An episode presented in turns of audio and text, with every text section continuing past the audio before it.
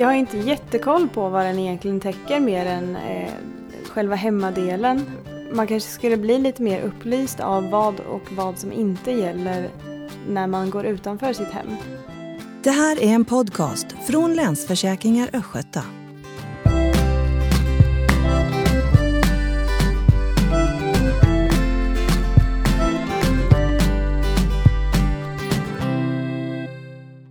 Ja, det som Sara säger här om hemförsäkringar, det är nog något som många av oss känner igen sig i.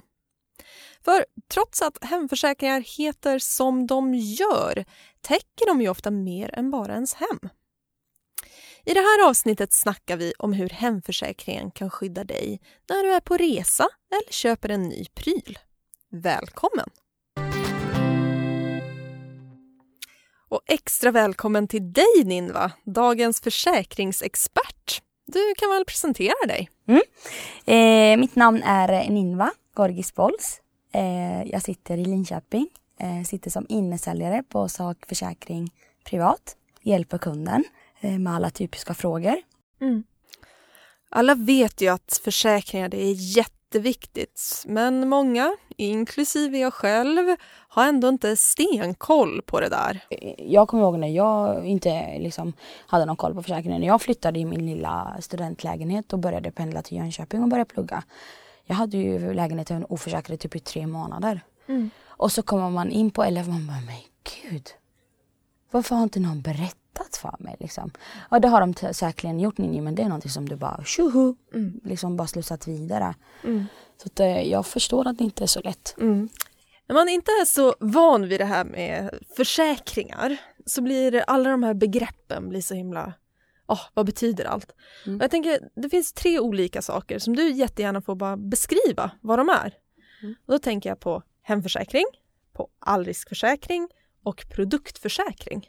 Eh, om vi börjar med en hemförsäkring. Innehållet i en hemförsäkring det är bland annat egendomsförsäkring, alltså egendomsskador. Eh, det är då ett rättsskydd, rättsskyddsförsäkring, eh, ansvarsförsäkring, eh, reseskydd och överfallsskydd. Allriskförsäkringen det är en tilläggsförsäkring man lägger till då i sin hemförsäkring som, som bland annat har då en elektronikförsäkring som täcker nypris för viss elektronik. Och produktförsäkring det är ju specifikt för en viss produkt. Nu när det börjar närma sig semestertider och så. Mm. Det, jag tänker att det är en sån där typisk grej som man sitter och ska boka någonting och så kommer det upp massor av pop-up-rutor som bara Ska du ha den här extra grejen? Mm. Mm. Vad ska jag tänka på då? Det du ska tänka på innan du bokar din resa eh, det är att ringa ditt försäkringsbolag. Kolla vad man har för typ av skydd. Eh, har man ett grundskydd? Har man en extra försäkring i sitt grundskydd? Eh, vad det täcker för? Hur länge det täcker? Hur länge man är borta? På Länsförsäkringar i Östgöta så har du ju i din hemförsäkring så täcker det i 45 dagar exempelvis. Man har både ett grundskydd som ingår. Sen har man ju möjlighet för att lägga till ett utökat reseskydd som det kallas för. Då har man bättre skydd under sina första 45 dagar.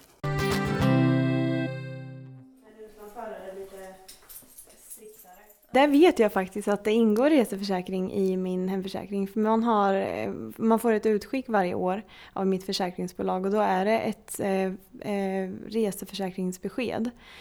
Eh, och då är det ju om, det har man ju med sig hela tiden, så om jag behöver läkarvård eller tappar någonting så fyller man i den och ger till läkare. Och sen så finns det ju ett EU-försäkringskort som är väldigt enkelt att beställa, så det har jag med mig när jag reser.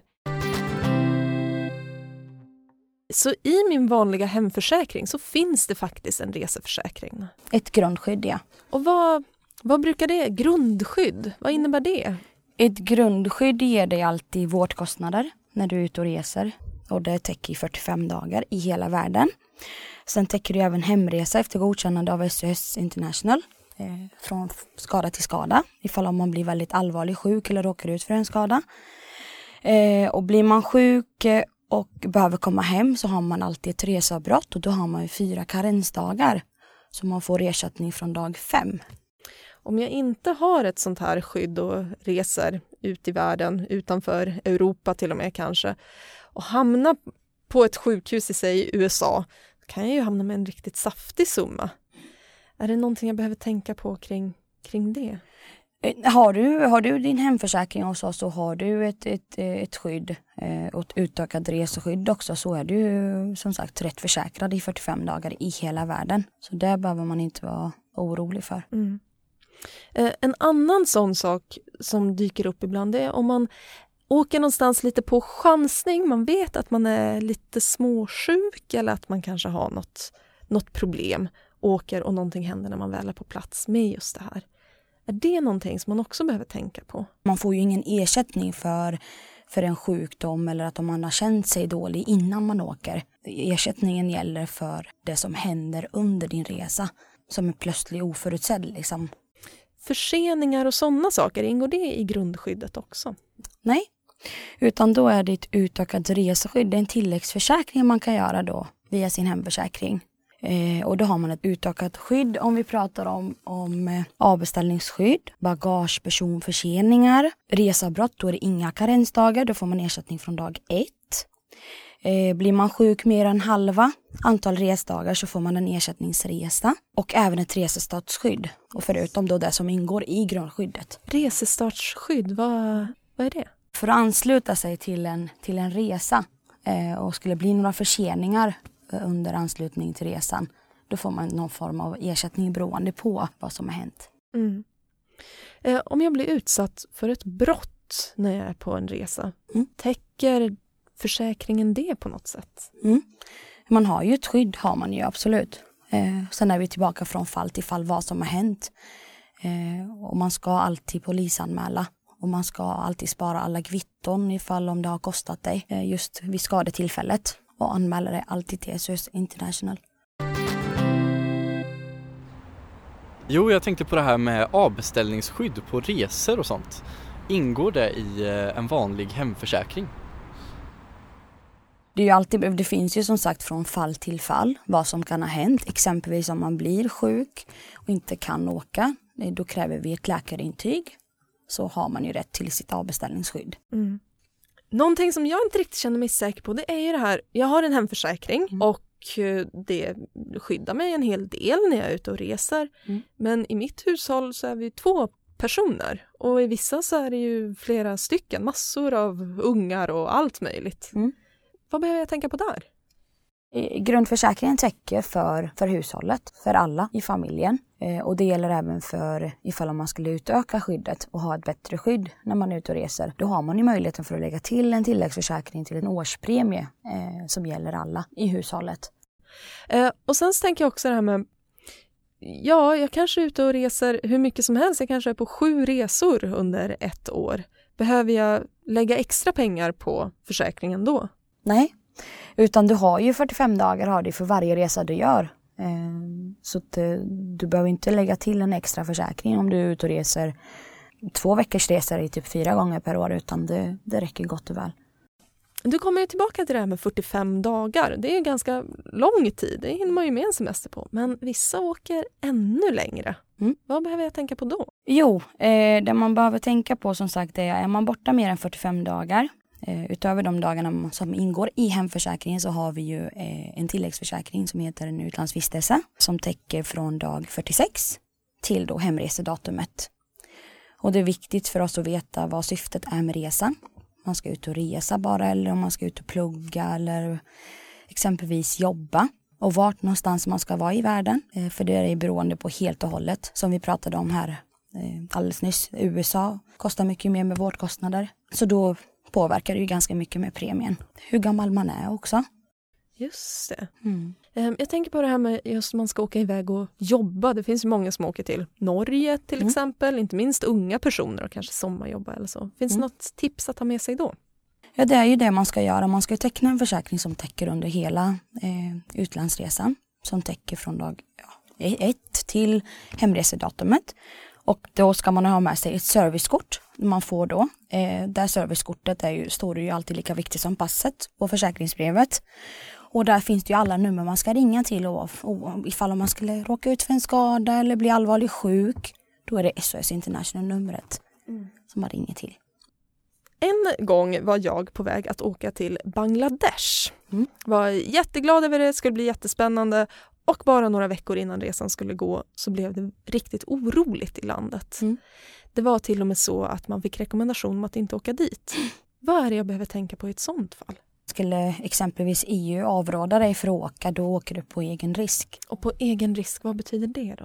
Är det att om det händer någonting så finns inte försäkringsbolaget där och hjälper till? Nej, precis. Skulle det hända någonting i värsta fall så är det ju tyvärr ingenting vi kan göra. Egentligen när jag sitter där och ska boka min resa på nätet och får upp de här förslagen om ska du ha en extra försäkring? Mm. Så kanske det är så att mycket av det den täcker täcks, eller kan i alla fall täckas av min hemförsäkring.